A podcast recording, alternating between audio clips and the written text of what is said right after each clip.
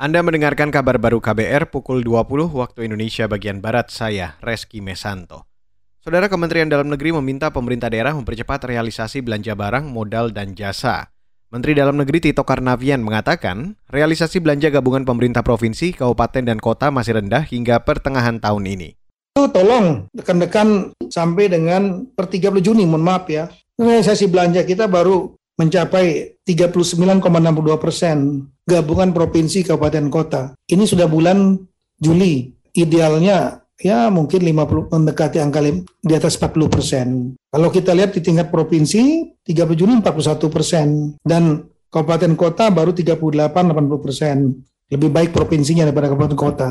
Menteri Dalam Negeri Tito Karnavian mengingatkan pemerintah daerah harus maksimal membelanjakan anggaran dan sesuai kebutuhan.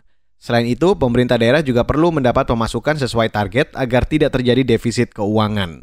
Maluku Utara menjadi provinsi dengan realisasi belanja APBD terendah sebesar 19 persen, sedangkan Jawa Barat menjadi provinsi dengan realisasi belanja APBD tertinggi mencapai 49 persen.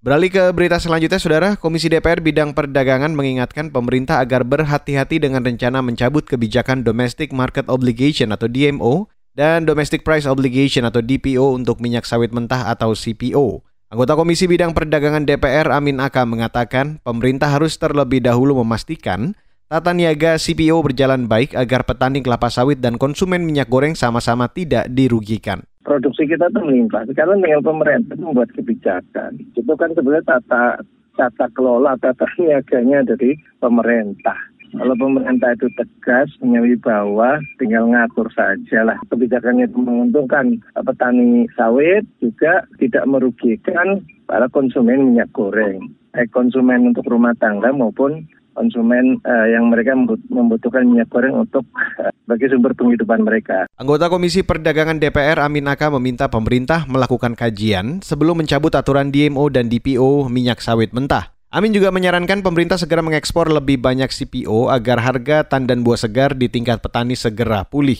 Sebelumnya, Menteri Perdagangan Zulkifli Hasan berencana mencabut aturan kewajiban DMO minyak sawit atau pemenuhan pasokan barang untuk kebutuhan dalam negeri. Aturan itu akan dicabut agar pengusaha bisa kembali ekspor dan menyerap sawit dari petani.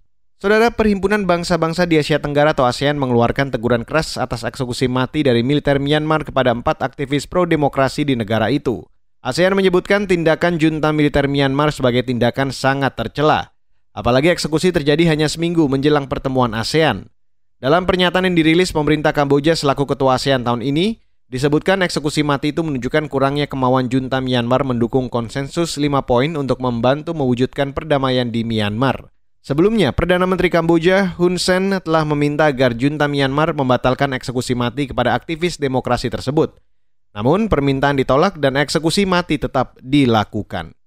Dan saudara, demikian kabar baru saya Reski Mesanto.